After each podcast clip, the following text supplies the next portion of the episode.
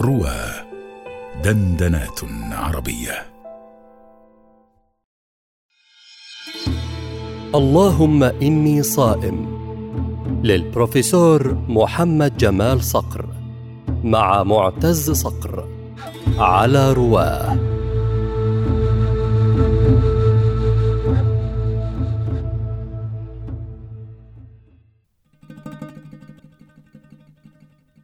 عجبا للذكاءين الطبيعي والصناعي. عجبا أي عجب؟ لولا إبداع الأول ما كان الثاني انسه ولولا تقليد الثاني ما عرف الأول نفسه. ثم انعكس الحالان فمن يكفي الأول غرسه؟ هذا سؤال الساعة. كيف يؤثر الثاني في حملة الأول؟ كيف تجد أثر الصناعي الذكاء الصناعي على أدوات العمل اللغوي؟ أنا أشرت في هذه العجبية إلى ما أراه في في هذه المسيرة. في أول نشأة الذكاء الصناعي كنت تريد آلة تساعدك على أن تحسب. قيل مات الخليل بن أحمد؟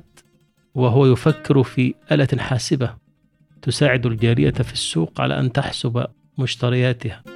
وانتقلت من هذه الآلة إلى أن وصلت إلى الروبوتات الإنسان الآلي الناس الآليين الذين صاروا يتحكمون فيك. كيف؟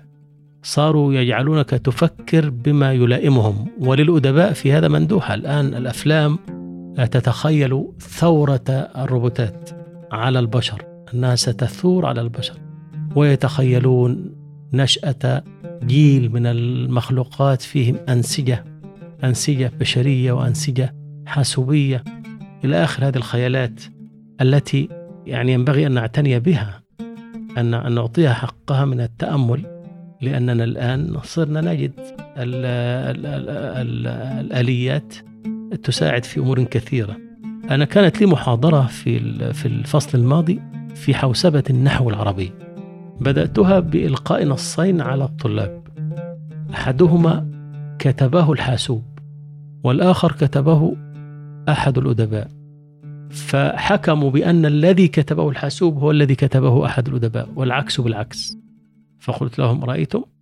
استطاع الآن المشتغلون بالذكاء الصناعي أن يخزنوا ملامح الأدباء الكتابية وأن يس... أن يجعلوا الحاسوب يوظفها في التعبير. فلدينا الآن برامج للتعبير الأدبي. يعني تخزن في ولكن على حسب ما تخزن آه تقول لك يعني. ما زلنا الآن نقول على حسب ما نخزن نجد. لكن الأدباء طمحوا إلى أن إلى أن المستقبل سيحمل لنا شيئا غير هذا. سيحمل لنا ثورة الروبوتات الناس الآليين على صانعيهم حتى إنهم ربما طردوهم واستولوا على المكان طردوهم من الأرض يعني خيالات. لكن نستفيد من الخيال الحذر. نستفيد الاستعداد والحذر. آه أن, أن نظل متابعين وواعين لحركة هذا الأمر لكي لا آه تفلت منا الخيوط. لأنه إذا أفلتت الخيوط ضاعت الإنسانية. هذا هو المعنى.